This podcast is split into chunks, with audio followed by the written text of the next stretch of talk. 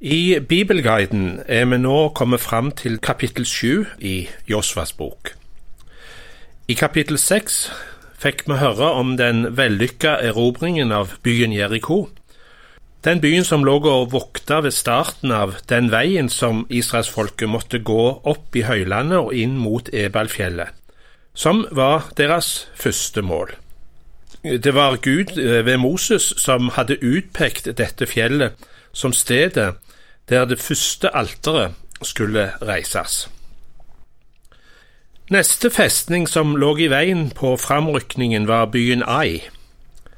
Igjen ble det sendt ut spioner, og på grunnlag av deres rapport legges det nå en slagplan.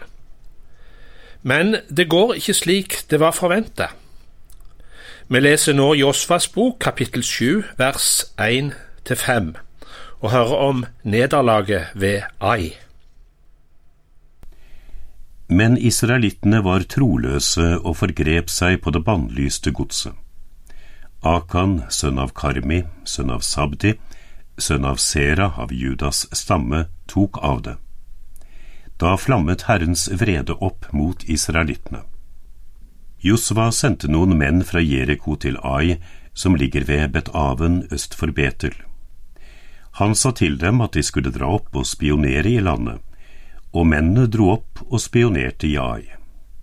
Da de kom tilbake til Josfa, sa de til ham, ikke send hele hæren, la to eller tre tusen mann dra opp og ta Ai, ikke slite ut hele hæren, for det bor så få der. Så dro da omkring tre tusen mann av hæren dit. Men de måtte flykte for folk i Ai, som drepte omkring 36 av dem. De forfulgte dem fra byporten helt til steinbruddene og drepte dem på veien nedover. Da smeltet folkets hjerte bort og ble som vann. Josva blir fortvila over dette nederlaget og fremsier sin klage overfor Gud. Er det slik det skulle enda, dette? Vi leser vers seks til ni. Josva flerret klærne sine og kastet seg ned med ansiktet mot jorden foran Herrens paktkiste og ble liggende helt til kvelden sammen med Israels eldste. De strødde jord på hodet. Josva sa, Å Gud, min Herre, hvorfor førte du dette folket over Jordan? Var det for å overgi oss i amorittenes hender og utslette oss? Om vi bare hadde blitt på den andre siden av Jordan. Hør meg, Herre, hva skal jeg si nå når Israel har snudd ryggen til sine fiender og flyktet? Når kananeerne og alle de andre som bor her i landet får høre om dette, kommer de til å omringe oss og utslette våre navn fra jorden. Hva vil du da gjøre for ditt store navn? Nå blir grunnen til nederlaget forklart. Herren går rett på sak og sier at noen har forbrutt seg imot de påbud som han hadde gitt. Det er en dramatisk fortelling vi nå skal høre i kapittel 7, vers 10-21. Så kraftige virkemiddel som beskrives her, måtte Gud bruke for å få folket til å forstå at han var hellig, og at det settes krav til lydighet ifra han. Sett i lys av Det nye testamentet er det greit å ta fram det Paulus skriver i Romerbrevet. Syndens lønn er døden. Og for at vi skal kunne unngå denne dommen over våre liv, så døde Kristus for oss. Han som ble overgitt til døden for våre synder og oppreist for at vi skulle bli rettferdige, står det i Romerbrevet 4,25.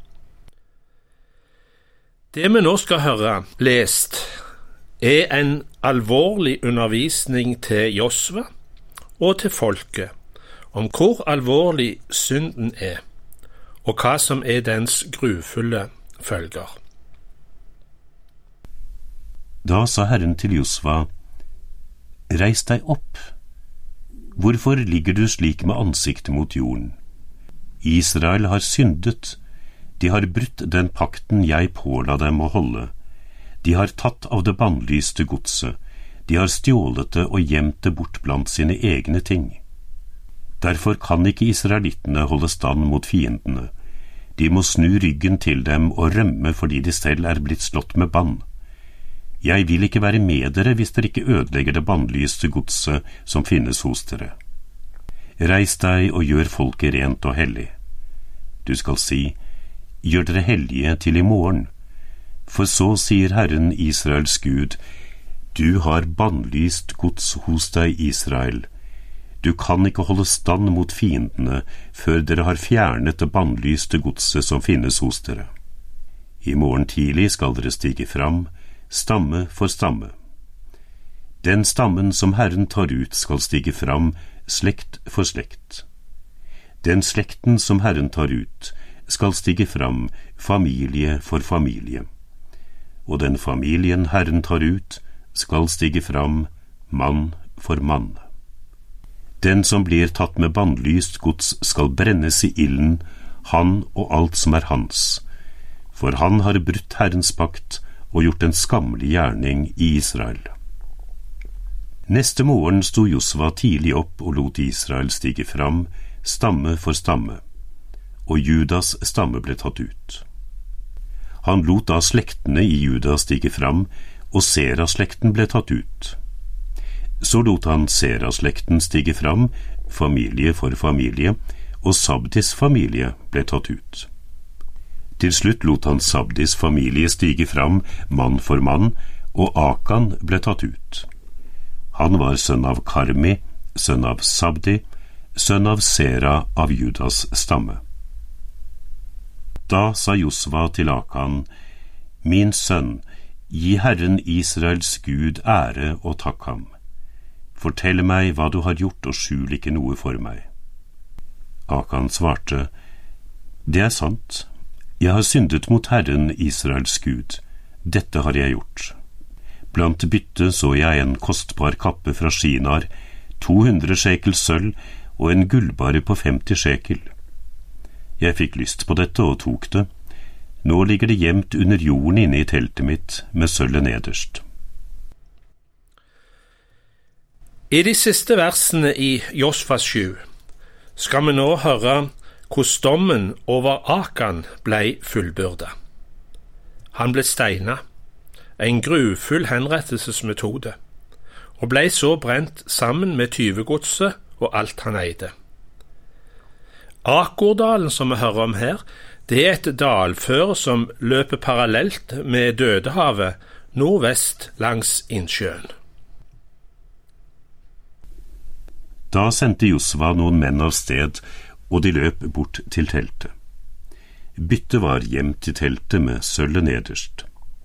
De tok det med seg fra teltet og brakte det til Josva og alle israelittene og tømte det ut foran Herrens ansikt.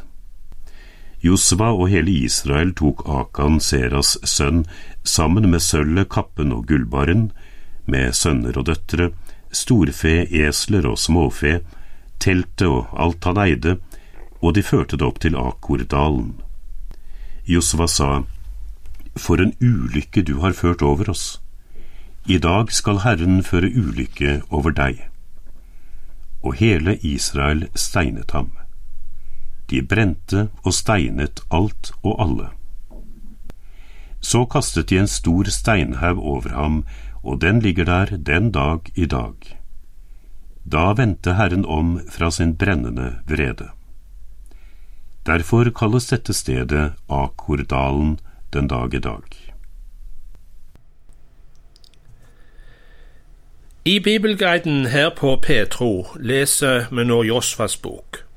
Og I neste program skal vi høre om slaget ved byen Ai, og om hvordan israelittene bygde sitt første helligsted på fjellet Ebal.